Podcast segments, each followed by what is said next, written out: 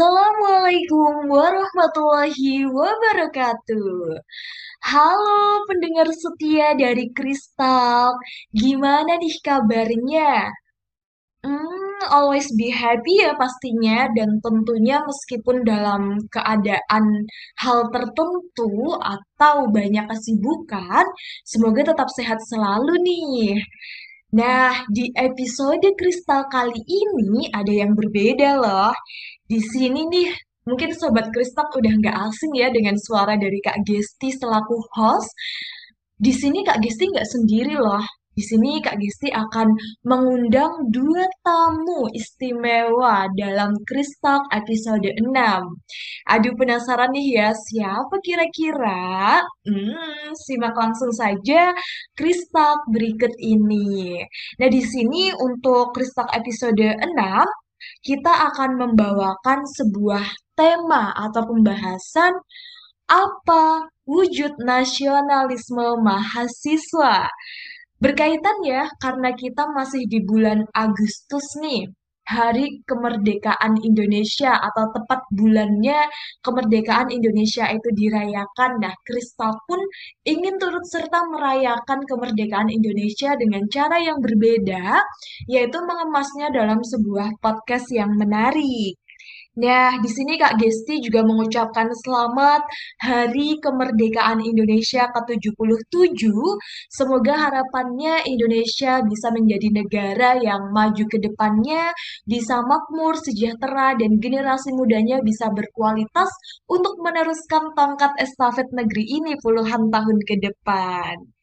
Oke nih, karena tadi Kak Gesti sudah sedikit membocorkan ya informasinya bahwa Kak Gesti ada dua tamu istimewa, maka dari itu langsung nih kita biasa ya dengan perantara sebuah pepatah yang tak asing bagi kita. Tak kenal maka tak sayang. Yuk langsung saja nih kita berkenalan dengan tamu spesial kali ini. Hmm, yang pertama nih, kita ke kakak yang cantik dan manis. Ya, siapa nih? Oke, boleh nih dari tamu spesial kita kali ini untuk menyapa Sobat Ekonom. Dan tentunya Sobat dari Kristal. Halo Mbak Risma, boleh perkenalan Mbak Risma? Halo semuanya, selamat pagi, siang, malam, tergantung yang mendengarkan ya guys ya. Betul Perkenalkan, saya sekali. Rizwan Eh, mahasiswa FEUNY ya, tentunya OTW tapi jadi alumni kayak gitu. Di sini saya eh, selaku Dewan Pertimbangan Organisasi dari UKMF Penelitian Kristal tahun 2022. Salam kenal semuanya. Oke, salam kenal Mbak Risma. Senang sekali ya, podcast kali ini kita didatangi Dewan khusus dari Kristal nih. Dan kira-kira siapa nih tamu satu lagi nih? Jeng jeng jeng. Aduh, ini mah yang satunya ini si paling-paling nih ya. Coba deh langsung aja perkenalan nih. Halo Yogi. Hai Gusti, hai semuanya, Sobat Kristalk dan Sobat Fakultas Ekonomi. Kenalin, aku Yogi, mahasiswa FEUNY, Program Studi Manajemen Pemasaran Angkatan 2021. Ini di Kristalk sebagai staf di formasi, seperti itu. Oke, oke, keren ya. Di sini ternyata dua tamu spesialnya Kak Gesti nih. Ada kristal angkatan sudah bukan muda lagi dan angkatan muda nih. Aduh, mau nyebut tua agak gimana ya, Mbak Risma ya? Aduh, di sini coba ya. Oke, nah eh, langsung saja ya karena Kak Gesti juga sudah penasaran banget dengan apa saja nih kira-kira sudut pandang dari Yogi maupun sudut pandang dari Mbak Risma terkait dengan nasionalisme, terutama nasionalisme yang berkaitan dengan mahasiswa ya, karena kita kan sebagai mahasiswa nih. Yang pertama dan paling utama, hmm, Kak Gesti punya pertanyaan nih. Mungkin nanti dari Mbak Risma dulu yang menjawab ya. Kalau dari sudut pandang Mbak Risma sendiri, apa sih nasionalisme itu? oke.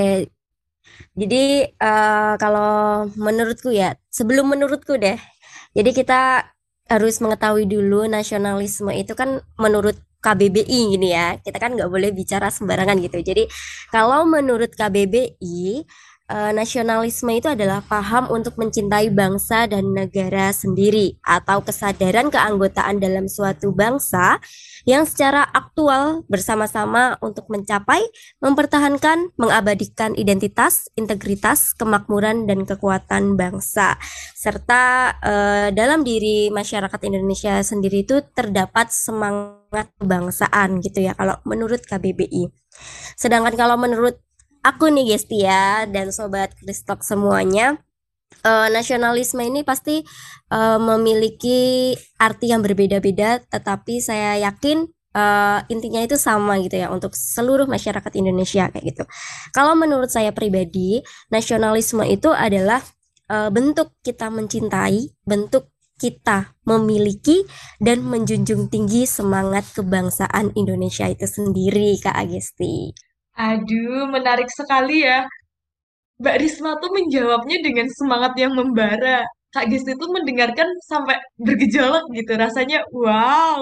Ini Mbak Risma selain menjelaskan sudah tercermin ya nasionalisme di diri Mbak Risma sepertinya. Oke, sangat terstruktur juga Mbak Risma. Kak Gesti juga setuju sih. Lebih ke bagian bagaimana cara kita mencintai bangsa kita, bahkan menjunjung tinggi ya negara kita begitu. Terima kasih nih Mbak Risma atas jawabannya. Nah, sekarang kita ke satu lagi nih. Kalau dari Yogi sendiri, kira-kira apa sih nasionalisme menurut Yogi? Oke, Agesti.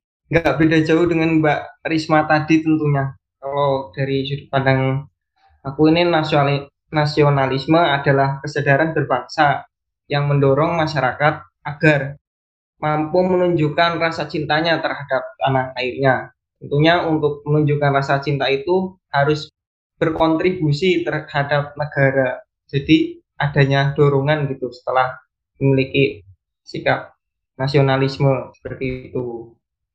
Oke, oke. Wah, ternyata nih jawaban antara Mbak Risma dan Yogi saling melengkapi ya.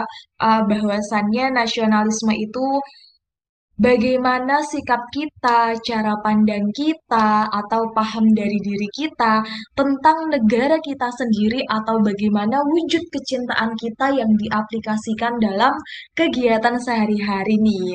Nah, berkaitan dengan kegiatan sehari-hari, kalau kita sebagai mahasiswa ya, apa saja sih kegiatan atau hal tertentu dari mahasiswa yang bisa mencerminkan seseorang itu memiliki jiwa nasionalis nih? Kalau dari Yogi, mungkin ada nggak sih Yogi pernah mengamati mahasiswa atau dari Yogi itu sendiri merasakan ini loh, aku sudah memiliki jiwa nasionalis. Kayak gitu tuh contohnya kegiatan yang seperti apa Yogi?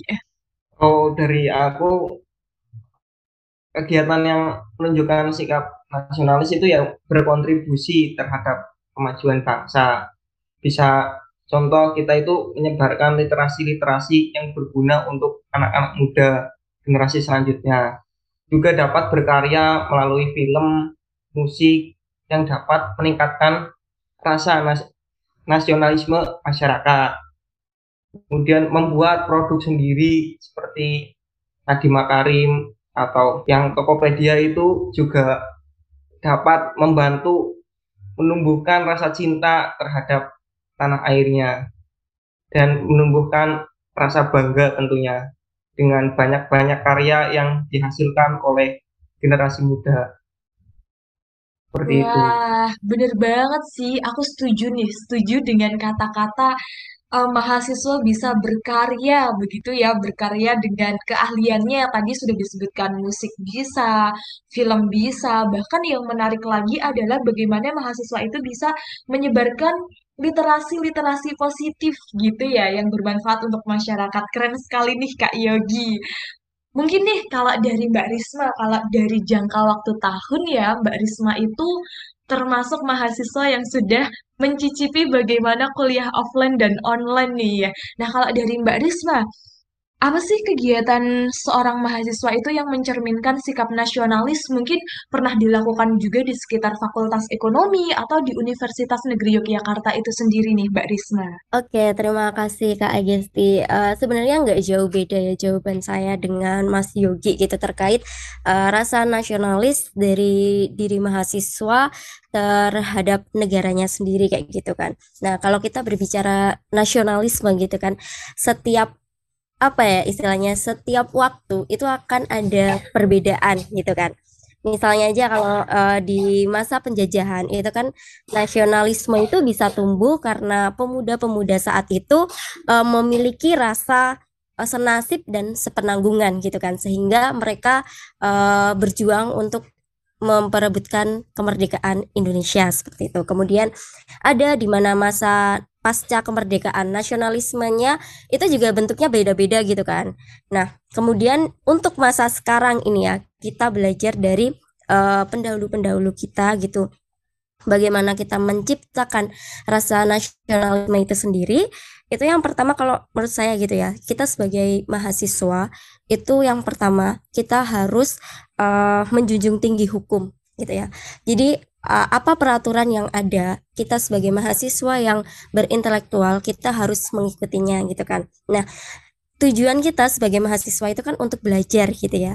Nah, kita di sini untuk mencari beberapa pengalaman untuk mengembangkan diri kita. Selain mengembangkan diri kita, di sini kita juga harus menanamkan bagaimana kita ini membangun negeri kita ya, membangun negeri kita karena di sini kita adalah uh, generasi penerus ya penerus terdahulu gitu untuk memajukan Indonesia kayak gitu.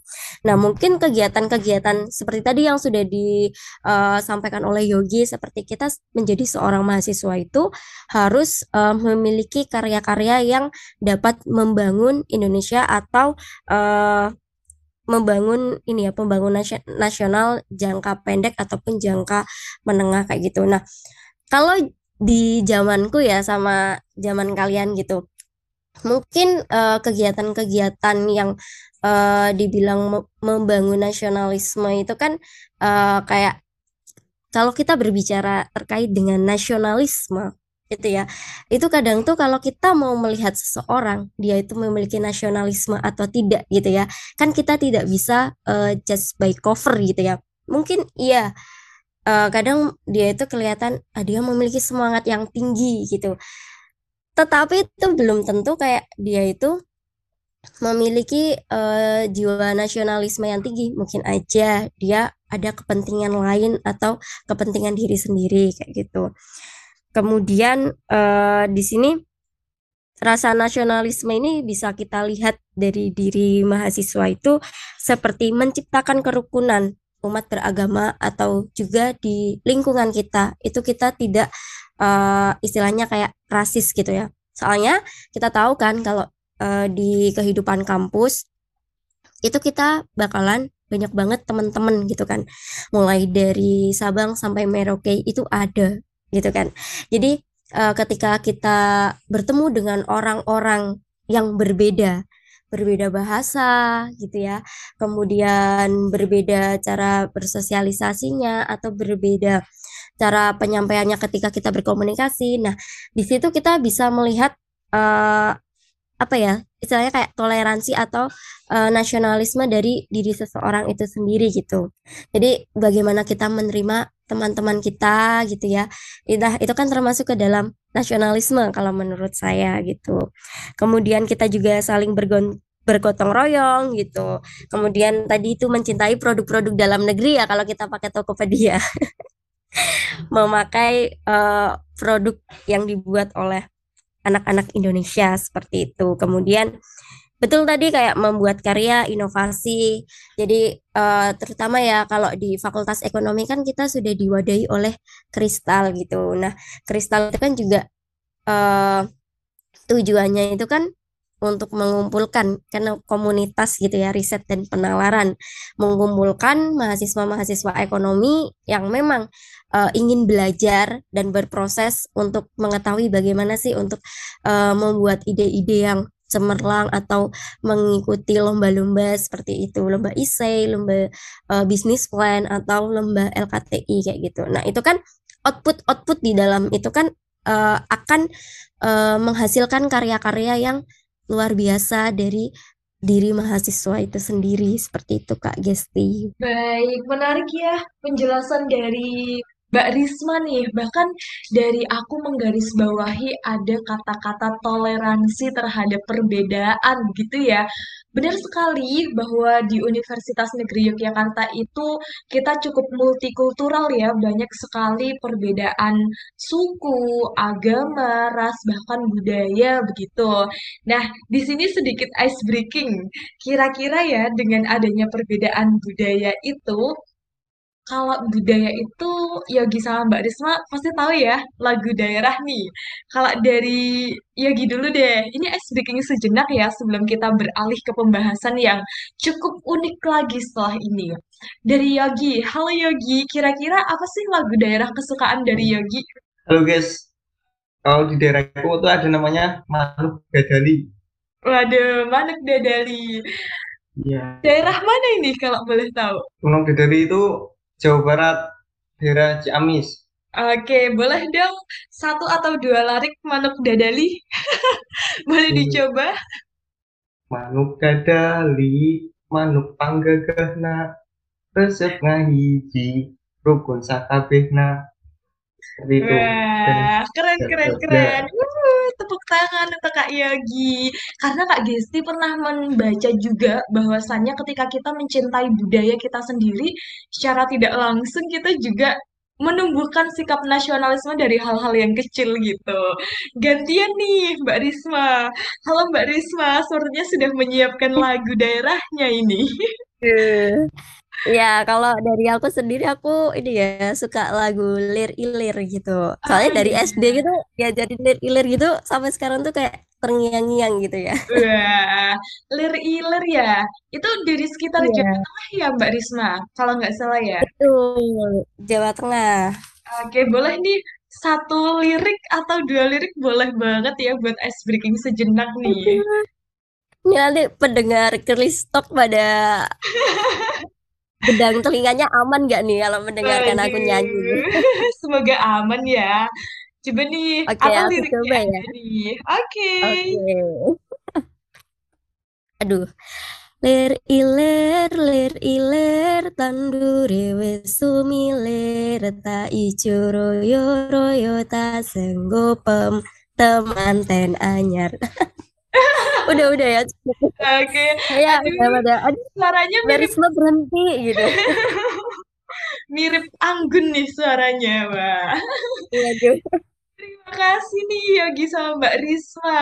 Karena di sini Kak Gisti juga ingin memberikan pesan bagaimana cara kita mencintai budaya kita sendiri dengan menjunjung tinggi mungkin lagu daerah, mengenalkan makanan khas daerahnya ke kancah nasional bahkan internasional, kemudian juga bisa mengenalkan beberapa tarian daerah atau ikon-ikon daerah tertentu sehingga kita sebagai generasi muda itu bisa menunjukkan ini loh sikap nasionalisme kita dan outputnya adalah dengan budaya Indonesia yang tidak lekang oleh waktu dan juga tidak tergerus oleh arus globalisasi. Tetap lestarikan bersama, begitu ya. Nah, lanjut nih. Kita mau membahas yang mungkin cukup unik ya, atau mungkin cukup aneh untuk beberapa hal atau beberapa orang nih terkait dengan nasionalisme. Nasionalisme itu terkadang outputnya tidak selalu positif nih, Yogi sama Mbak Risma. Ada beberapa action dari mahasiswa yang dipandang oleh masyarakat itu justru kurang tepat atau memberikan hal negatif begitu. Nah, kira-kira kalau dari Yogi sama Mbak Risma, ada nggak sih menurut kalian contoh nasionalisme yang kurang tepat dan cara menghindarinya begitu? Kalau dari Kak Gisti sendiri tuh masih menyoroti tentang ini sih demonstrasi mahasiswa yang mungkin penyampaiannya kurang tepat dan malangnya itu kalau sampai memberikan korban jiwa atau luka-luka itu sungguh sangat menyedihkan. Padahal uh, itu kan kayak tujuannya untuk menyerukan aspirasi ya, tapi sangat disayangkan justru memberikan hal yang tidak disangka-sangka begitu. Nah, kalau dari Yogi sendiri nih, kira-kira ada nggak sih Yogi terkait contoh nasionalisme yang kurang tepat dan cara menghindarinya? Atau mungkin dari yang tadi Kak Gesti katakan ini dari Yogi, ada nih solusi-solusi atau cara mencegahnya Yogi? Setuju sekali dengan Kak Agesti tadi. Cara menyuarakan itu yang sering jadi masalah.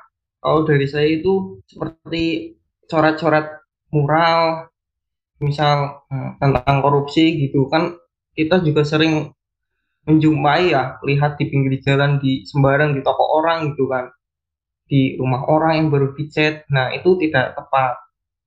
Karena bisa merugikan seorang. Apalagi kalau gambarnya itu masih acak-acakan kan mengganggu lah merusak kerukunan gitu.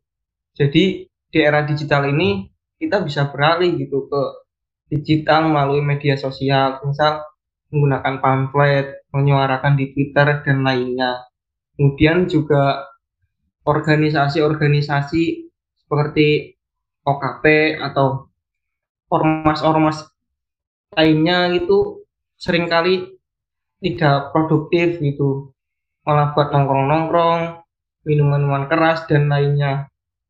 Nah harusnya itu organisasi dapat menyatukan masyarakat untuk hal-hal yang produktif. Misal hmm, untuk komunitas membaca atau remaja masjid ataupun lainnya gitu yang dapat menyatukan masyarakat dan nggak rasis tentunya jangan memecah belah seperti itu. Oke, oke, bener sekali ya. Yogi, bahkan aku juga pernah lihat nih waktu itu di jalan arah mana ya? Ih, jangan disebut ya jalannya ya.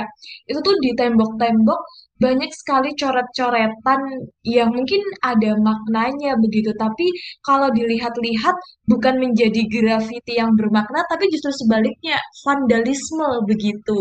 Bahkan Kak Gistu juga nggak tahu ya itu apakah sudah izin dengan pemilik tembok sekitar atau belum, tapi mungkin tujuannya memang untuk menyerukan aspirasi, tapi caranya itu kurang tepat gitu ya. Dan harapannya dari kita generasi muda bisa mengambil sikap yang bijaksana untuk menyampaikan aspirasinya. Pun ketika memang ingin melukis atau mengatakan sesuatu di tembok atau juga bisa seperti saran Kak Yogi tadi menggunakan teknologi ya bisa pamflet dan lain-lain harapannya meskipun menyalurkan aspirasi tetap memperhatikan nilai dan norma yang berlaku di masyarakat begitu. Nah, kalau menurut Mbak Risma sendiri nih atau mungkin Mbak Risma pernah mengalami secara langsung atau pernah diceritakan dari teman teman terkait nasionalisme yang sekiranya kurang tepat dan gimana cara pencegahannya gitu. Oke, kalau dari aku sendiri ya, ya Gesti ya terkait dengan nasionalisme yang uh, istilah agak menyimpang gitu ya, gitu. kan di sini kan kita jadi seorang, kita kan berbicara terkait dengan mahasiswa gitu ya.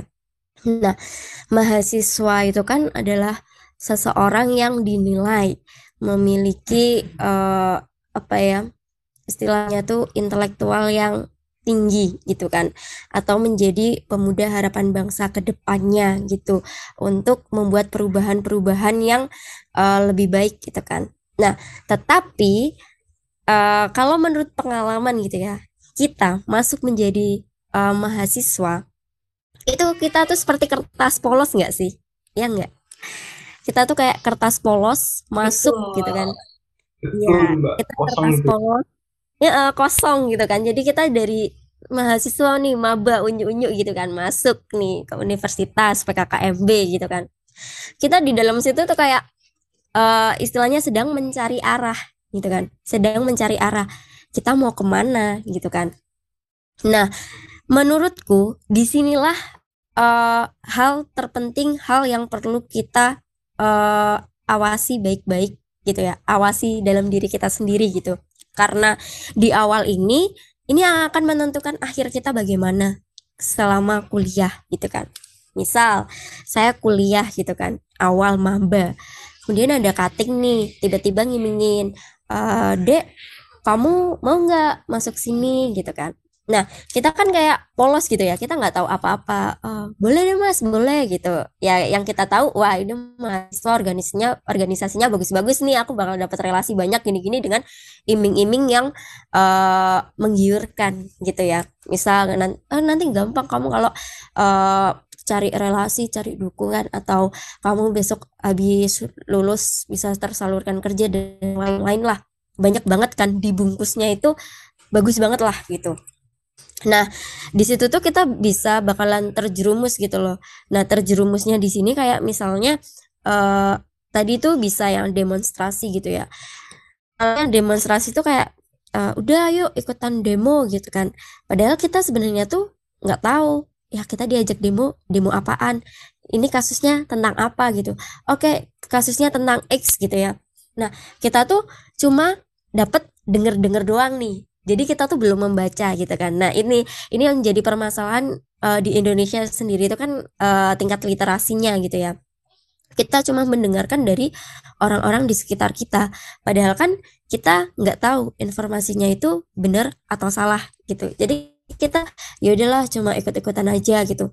Padahal ketika kita mengikuti, padahal kita tidak tahu apa tujuannya gitu ya. Ya mungkin kita tahu oh tujuannya ya ini kita demo untuk uh, me, ini ya kebanyakan tuh kayak kebijakannya ini tuh salah kebijakan ini tuh uh, merugikan masyarakat banyak banget gini-gini. Nah tapi apakah itu sama dirinya pribadi? Apakah itu udah dikaji udah kayak dia uh, brainstorming sama temen-temennya gitu ya sebelum melakukan demo atau berangkat demo gitu kan? Jadi kayak kita tuh berangkat kita tuh menyalurkan aspirasi, seharusnya kita tuh juga harus uh, berbekal ilmu gitu ya. Apa yang kita omongkan itu harusnya benar gitu. Siapa tahu gitu ya, siapa tahu kita udah asik nih demo gitu kan, udah menggebu-gebu gitu. Nah, tetapi ternyata di situ kita hanya uh, sebagai istilahnya alat untuk me menyalurkan tujuan orang lain gitu loh bukan tujuan dari uh, masyarakat semua masyarakat Indonesia gitu ya yang harusnya mahasiswa Indonesia itu sebagai penyalur aspirasi rakyat gitu kan. Kan di situ ada kepentingan-kepentingan yang uh, dalam tanda kutip gitu ya yang enggak ya nggak bisa lah kita secara gamblang ngomongin di sini kayak gitu. Jadi kalau menurutku tetap banyak ya Kak Agesti itu Eh, penyimpangan-penyimpangan yang bilang ah kamu nanti kalau nggak ikut ini kamu nggak punya rasa cinta nih sama Indonesia gitu. Bahkan ada yang bilang gini kalau kamu nggak ikut demo berarti kamu itu bukan mahasiswa seutuhnya gitu. Mahasiswa itu kan mahasiswa agen of change gitu kan. Mahasiswa sebagai uh, perubah ini ya sebagai penerus bangsa yang kita juga biasanya dikenal sebagai mengkritisi kebijakan kebijakan-kebijakan yang baru yang dirasa merugikan masyarakat kayak gitu kan. Nah, tetapi kan di situ kita juga uh, nggak semua mahasiswa gitu ya, nggak semua mahasiswa itu harusan harus ikut demo gitu. Jadi kita ada beberapa cara ya yang kita lakukan untuk uh, menyalurkan aspirasi kita. Nah, tadi kalau Yogi bilang bisalah pakai pamflet gitu kan, nggak mesti harus uh, kita tulis-tulis di tembok orang gitu. Nah, bener banget karena di sini kan kita juga udah teknologi udah banyak gitu ya. Di TikTok pun sekarang juga banyak kan kayak aktivis-aktivis itu bikin-bikin video kayak uh, menyalurkan aspirasi mereka. Nah, itu kan juga banyak ya maha benar netizen Indonesia yang menilai gitu kan. Banyak banget gitu kan. Nah, itu bisa bisa kita lihat gitu. Jadi kalau uh, berbicara dengan yang negatifnya dari apa iming-iming yang kamu nggak punya nasionalisme gitu, yang diiming-imingi di awal itu adalah ya, ya itu tadi salah satunya yang diberikan ke Agesti gitu, yang demonstrasi gitu ke Agesti.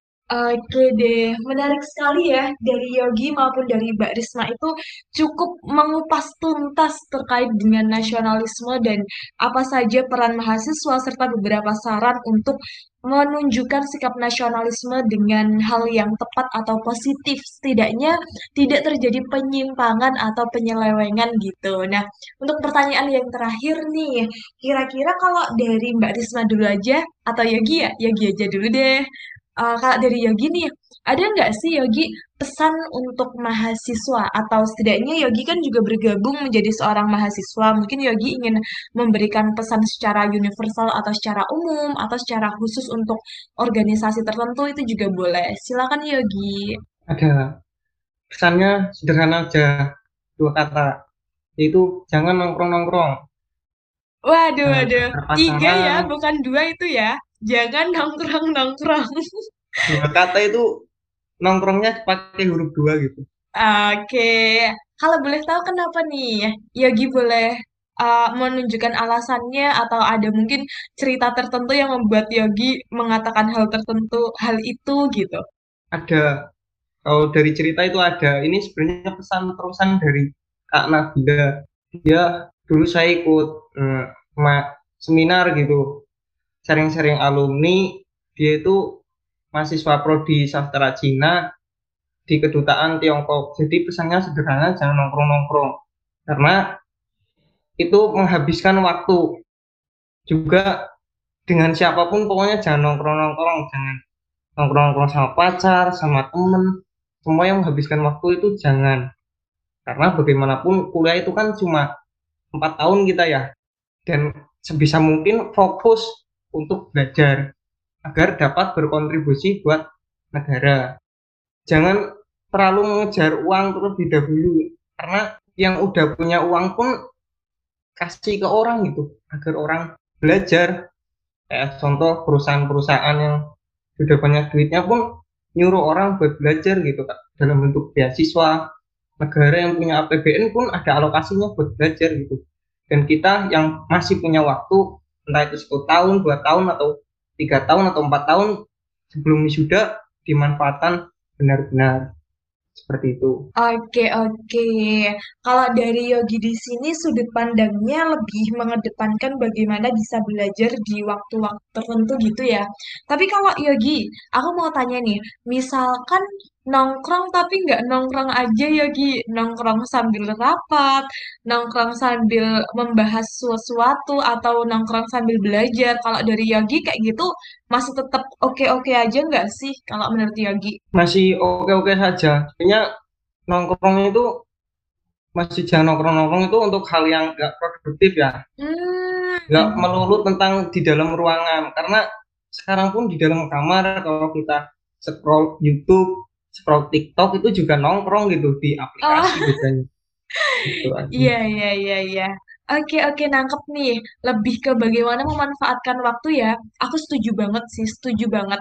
Mungkin terkadang anak-anak muda itu terlalu terlena ya dengan uh, main, healing, atau apa pun itu. Padahal banyak kewajiban-kewajiban di belakangnya yang harus dikerjakan tapi justru tertinggalkan gitu ya. Nah, harapannya pesan yang disampaikan Yogi ini bisa tersampaikan untuk pendengar dari Chris Talk episode 6 ini dan bisa diaplikasikan sesuai dengan diri mereka masing-masing. Terima kasih Yogi. Nah lanjut nih kita kalau dari Mbak Risma. Kira-kira dari Mbak Risma apa sih pesan untuk mahasiswa? Oke, kalau tadi kita berbicara terkait dengan nasionalisme ya. Kalau pesanku cukup simpel aja sih. Lakukan nasionalisme versi diri kalian sendiri. Kayak gitu. Jangan terpengaruh oleh eh, hal-hal yang lainnya gitu. Kalau kalian pengen berkarya, ya lakukan aja gitu. Jadi jangan mendengarkan eh, orang-orang yang mungkin membisiki bisikan-bisikan yang bakal membuat kamu menyimpang gitu ya. Jadi percaya aja selagi kamu itu benar kayak gitu. Dan itu tadi dan jangan lupa tugas kalian sebagai mahasiswa itu adalah untuk belajar menimba ilmu gitu kan, lulus kemudian membangun Indonesia menjadi lebih baik. Oke, terima kasih Mbak Risma. Benar sekali ya. Be confidence dan be yourself. Jadi diri diri kamu sendiri begitu ya. Benar sekali karena pada dasarnya juga setiap orang tuh punya potensinya masing-masing, punya ciri khasnya masing-masing yang nggak bisa dipukul rata harus ini harus ini begitu. Keren sekali. Terima kasih Mbak Risma dan Yogi juga. Di sini pembahasan kita cukup menarik ya.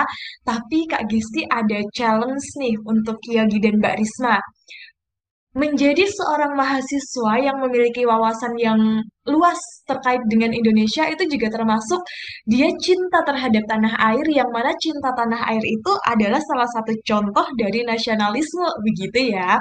Bahkan nih Insinyur Soekarno selaku presiden pertama Indonesia juga pernah berpidato pada hari ulang tahun Republik Indonesia itu tepatnya pada 17 Agustus 1966 beliau mengatakan bahwa ada sebuah seruan, jangan sekali-kali meninggalkan sejarah atau sering pula disingkat jas merah.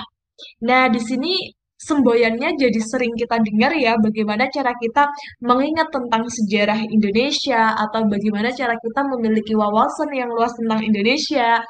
Nah, maka dari itu, Kak Gesti mau coba menantang Kak Yogi dan Mbak Risma untuk menjawab 15 pertanyaan beruntun. Nah, kira-kira siapa sih yang mendapat poin tertinggi? Nah, ini cuma games aja ya, teman-teman. Ya, nanti teman-teman pendengar dari Kristok juga boleh ikut menjawab nih, meskipun dibatin ya. Atau boleh juga nih siapa yang mendukung Yogi, siapa yang mendukung Mbak Risma. Yuk, langsung saja habis ini kita buktikan ya. Nah, kira-kira dari Yogi sama Barisma sudah siap? Harus siap dong. Siap ya? Siap. Siap gak siap nih, deg-degan juga dia deg-degan sama Yogi ya. Aduh. Oke, sistemnya pertanyaan beruntun ya.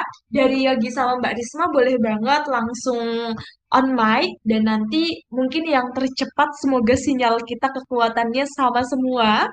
Atau nanti misalkan kedua-duanya menjawab sama cuma jeda sedikit itu pun tidak apa-apa karena mungkin sinyal termasuk penghitungan skor gitu.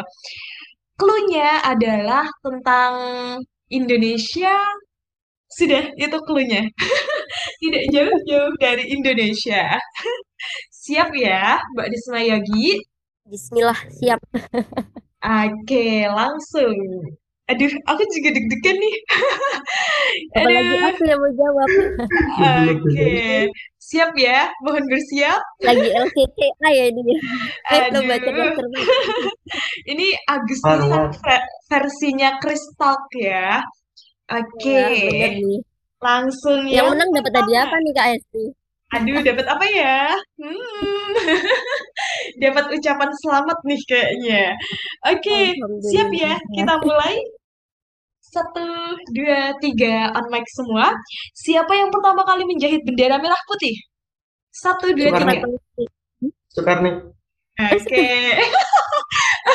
yang benar Mbak Risma ya, Fatmawati dan Yogi tadi menjawab siapa? Soekarno. No, Soekarno suaminya Ibu Fatmawati ya.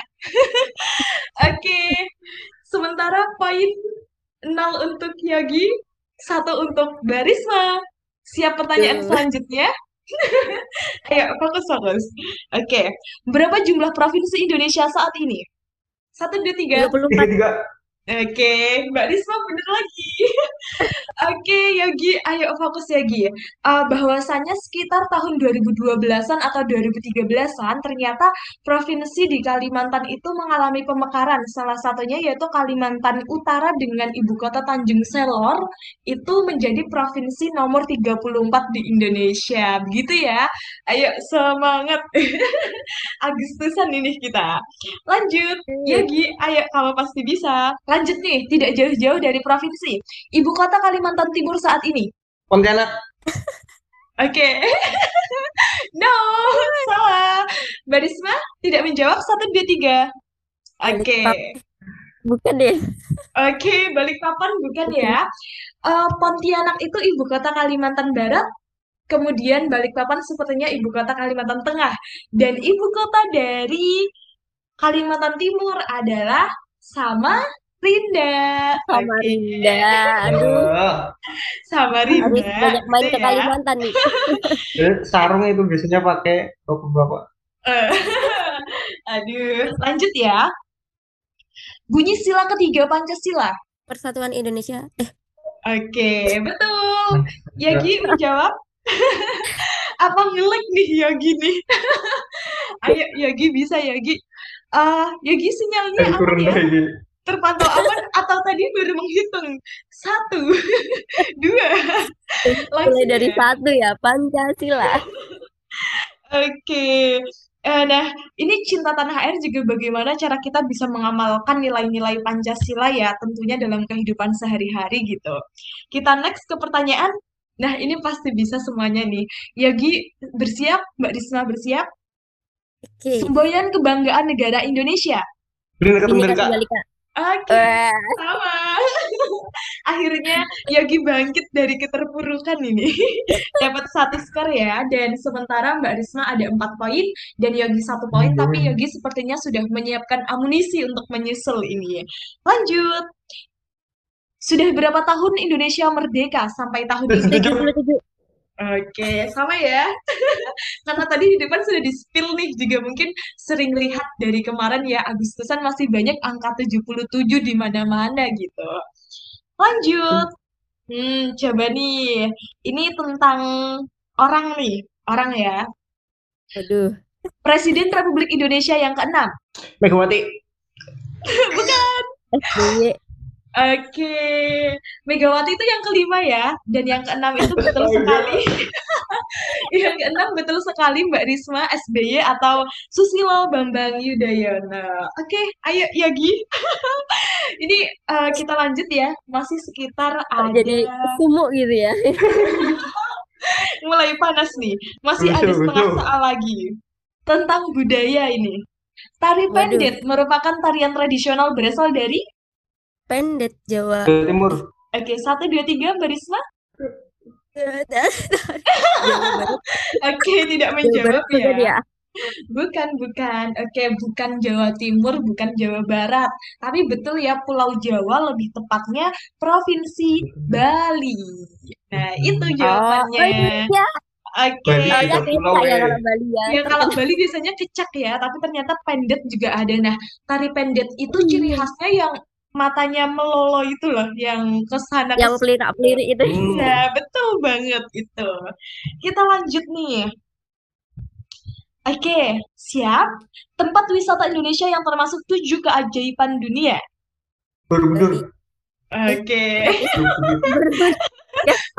betul ya Yogi Borobudur ya. Dan Mbak Risma nih mentang-mentang habis ngomong Bali langsung Bali. Oke, Ini kan ya terkenal. Bali gitu ya. Yang pernah tercatat itu Borobudur ya. Nah, Iya. lanjut nih. Bali memang termasuk tempat wisata yang banyak dikunjungi wisatawan mancanegara gitu ya. Nah, kita lanjut. Nih, aduh, Kak Gesti mumpung lagi lapar, pertanyaannya nggak jauh-jauh dari makanan kali ya. Hmm, pertanyaannya adalah, papeda, makanan khas dari provinsi? Papua. Eh, Betul, Mbak Risma. Yagi tidak menjawab? Tahu. Oke. Lagi tidak menjawab ya. Nah, betul sekali papeda itu makanan khas dari Papua atau lebih tepatnya seperti tepung sagu. Warnanya bening kalau sudah dimasak gitu ya. Dan biasanya dimasak dengan, oh dimakan. Dimakan dengan gulai ikan atau kuah kuning gulai ikan gitu. Lanjut. Nih Yogi sepertinya nih pertanyaannya suka dia. Coba ya Yogi ya, Mbak Risma bersiap ya. Hewan endemik yang hanya ada di Indonesia saja bahkan dijadikan tempat wisata. Hewan apa Komodo. itu? Komodo. Oke. Ini aja komodo. Oke, Pertanyaan ngelek. oke. Yogi betul ya. Dan Mbak Risma pun menjawab betul. Selisihnya tidak ada lebih dari tiga detik. Kemungkinan itu hanya sinyal gitu ya. Oke, lanjut. Aduh, deg-degan nih. Masih ada sekitar empat pertanyaan. Aduh, duduh. Oke, lagu ya, lagu nasional nih. Ah, yang mungkin dari Yogi atau Mbak Risma pernah menyanyikan ini lebih dari 10 kali. Kemungkinan. Coba ya. lagu Indonesia Raya diciptakan perapatan. Oke. Belum selesai. Belum selesai. Yogi Oh, udah jelas panas. pertanyaannya. Ayo. Oke, betul ya Yogi dan Mbak Risma termasuk eh, tidak menjawab karena lebih dari tiga detik sudah terjawab oleh Oh. Yogi dan Yogi pertanyaan. Aduh, Gegas, Mbak. Oke. Oke, gak apa-apa. Aku ikhlaskan poin ini Yogi untuk kamu. Tegas ya jawabnya juga. Betul ya Yogi, WR Supratman yang menciptakan lagu Indonesia Raya. Nah, tahu nggak sih apa kepanjangan dari WR itu? WR depannya apa? Ada yang tahu? Oke, sedikit info ya. WR sari itu loh. Wage itu bukan sih? Wage. bukan Wulan Sari ya, Bulan. malah WR-nya Mbak Risma ini. WR-nya itu Wage Rudolf Supratman gitu, kalau nggak salah ya. Nanti boleh dicek Ini lagi. lahirnya waktu Wage ya. Wagenya apa nih? Aduh, kejauhan banget nih Mbak Risma nih. Oke, lanjut. Hmm, masih tiga, tiga lagi nih. Tapi nanti pertanyaan yang terakhir bonus aja sih. Kemungkinan Yogi dan Mbak Risma sama-sama dapat satu poin nih. Bonus yang terakhir. Ah, ini masih dua pertanyaan. Hari lahir Pancasila diperingati setiap tanggal? Satu. Juni. Satu Maret. Oke. Ah, Astaga. Yogi kunci satu Maret. Mbak Risma? Juni? Satu eh Juli, Juli ya. Tadi apa yang pertama? Juli. Tadi yang Salah, pertama Mbak. adalah Juni. Oke, Eh, tadi Mbak Risma Juni atau Juli? Hmm, Diralat boleh gak sih? Eh, Juli atau Juli? oke. Untuk Waduh Yogi, ini Yogi satu Maret salah ya. Mbak Risma nih, mau Juli apa Juni nih milih salah satu, jangan dua-duanya ini. apa nih? Oke, L Eh, atau N? Mbak. Harus milih nih. Iya dong, satu, dua, tiga. Apa nih? Satu Ju Juni apa ya? Juni apa Juli sih? Juni. Ayo. Iya, yang pertama adalah yang benar. Oke, tadi Hmm. Juni ya, betul ya. Hari Iya, lahir Pancasila diperingati setiap tanggal 1 Juni, pakai N gitu. Hmm, Iya. lanjut. Kalau pakai L itu apa ya? Oh, apa ya? Hari apa ini? Hari ulang tahun temenku Nanti kayaknya. deh kita cari. Oke. Nah, ini nih, tidak jauh-jauh dari kemerdekaan. Baru, berarti kita sudah empat hari melewati 17 Agustus ya, karena sekarang tanggal 21 Agustus. Di mana Hmm. tempat dilaksanakannya proklamasi untuk kali pertama? Eh, Senayan. Go! istana apa itu? Apa ya? Aduh, Satu, dua, tiga. Oke. Tidak menjawab istana apa sih ya? Senayan. Tidak menjawab ya. Nah, di sini jawabannya kayak sejarah nih. Jalan Pegangsaan Timur nomor 56. Nah, itu jawabannya. Oke, Dengan lanjut. Oke, Jalan pertanyaan nah. yang terakhir. Pertanyaan yang terakhir banget. Ini dari satu-satu aja deh, dari Yogi dulu. Yogi, satu kata untuk Indonesia. Maju. Jaya. Maju. Eh, maju. Maju. Oke, apa? Kenapa? Kenapa eh, memberikan kata maju? Sesuai dengan visi presiden kita sekarang. Indonesia maju. Boleh. Yang paling melekat saya dengar. Oke, oke, Indonesia maju gitu ya. Ya. Oke, kalau Mbak Risma, Mbak Risma, satu kata untuk Indonesia. Kalau aku Indonesia Jaya aja deh ya. Asik, ini kayak lagu ya. Kalau Yogi maju aku Indonesia Jaya aja. Jaya. Oke, kenapa Jaya? Karena Ada alasan Jaya itu kan Jaya semuanya gitu ya. Oke, amin ya. Jaya. Harapannya di sini berarti satu kata dari Yogi maupun Mbak Risma sama saja doa. Kata yang positif semoga bisa dijadikan doa untuk negara tercinta kita, begitu ya. Oke, sudah berakhir nih kuis kita. Dan aduh, yang dapat poin aku tidak enak mau nye- menyebutkannya. Aduh. Ngeri sekarang Oke. cewek. Hmm, di sini Mbak-mbaknya buat Mbak Risma yang sudah memenangkan kuis kali ini. Yeay. Dan poinnya ini hmm, selisihnya 4. 10 poin untuk Mbak Risma dan 6 poin untuk Yogi. Ya, nggak apa-apa ya. Di sini kita cuma sharing-sharing aja. Bahkan kita juga bisa berbagi tentang wawasan Indonesia begitu. Aduh, Padahal tadi udah deg-degan kalau kalah mekanik sama Yogi. aduh, berarti Masa kalah gitu. Tahu ya. dengan misi malu kalah gitu ya. Pas banget itu Mbak. Kita kan beda 4 semester ya Mbak. Iya gitu. Aku Iya, 2018 empat poin. dia 2021 kalau aku kadang kan. Oke, oke. Nah, di sini, aduh Kak Gesti sedih sih harus berpisah sama Yogi sama Mbak Risma ya, karena podcast ini cukup dibatasi oleh waktu nih, tapi dari serangkaian dari menit pertama sampai menit kali ini, banyak sekali hal yang Kak Gesti dapatkan dari sharing-sharing dengan Mbak Risma, dari sharing-sharing dengan Yogi, bahkan juga bisa mendengar suara emas Yogi dan Mbak Risma ketika menyanyi ya tadi. Bahkan tadi juga kita sudah coba cek wawasan kebangsaan kita, harapannya selain buat enjoy, buat senang-senang, tapi juga di balik itu ada suatu hal positif yang bisa kita berikan untuk pendengar setia dari Kristal begitu. Nah, di sini Kak Gesti mengu- mengucapkan terima kasih buat Yogi, buat Mbak Risma yang bisa turut serta meramaikan podcast Kristal edisi Agustus ini. Dan tentunya Selamat menjalankan aktivitas lainnya. Semoga harapannya podcast ini bisa memberikan kebermanfaatan dan hiburan untuk semuanya.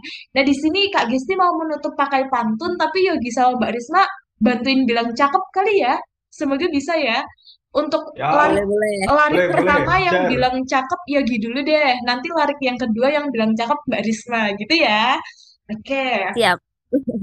Oke deh, jalan-jalan ke Cikini. Cakep. Oke, mampir ke toko beli meja. Cakep. Demikian podcast kali ini. Sampai jumpa di podcast selanjutnya. See you, Sobat Kristal. Dah. Yeay. Thank you semuanya. Thank you semuanya. Terima kasih.